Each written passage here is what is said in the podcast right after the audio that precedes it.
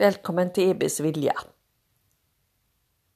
Tänk att möta människor i olika situationer.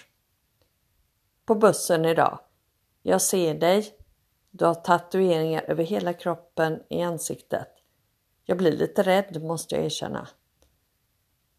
Jag hör att du går fram till chauffören och så ber du chauffören vänligt om, frågar om chauffören kan öppna dörren för du ska slänga ut ett paket. Sen kan man ju fråga sig vad det är i det paketet men eh, ja, det är inte det jag vill prata om nu i alla fall. Eh, din kompis skulle väl hämta någonting. Eh, men du tackar chauffören och sen går du och sätter dig och jag funderar. Det är ju möten mellan människor och det kostar så lite att säga det där snälla som vi kanske tänker men som kanske vi inte alltid säger. Och varför gör vi inte det?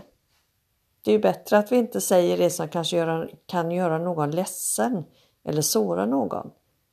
Vi ska ju mm, tvärtom överskölja människor med snälla saker. Så jag bestämmer mig, jag går fram till honom och han sitter och lyssnar på, i sina hörlurar, eh, har mobilen på. Men jag, till slut får jag uppmärksamhet så jag säger bara ursäkta får jag störa dig?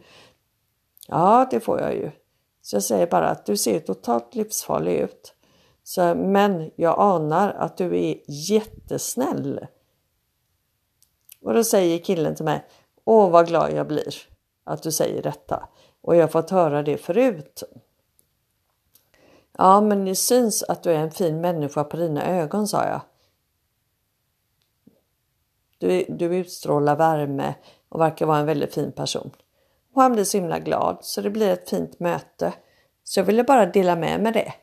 Och speciellt nu när vi har den här vackra fullmånen som bara utstrålar energi. Så jag vill dela med mig av den energin som jag känner och som vi kan ge till våra medmänniskor. Så ta hand om dig och dina kära och tack för att du lyssnar på EBs vilja. Var rädd om dig.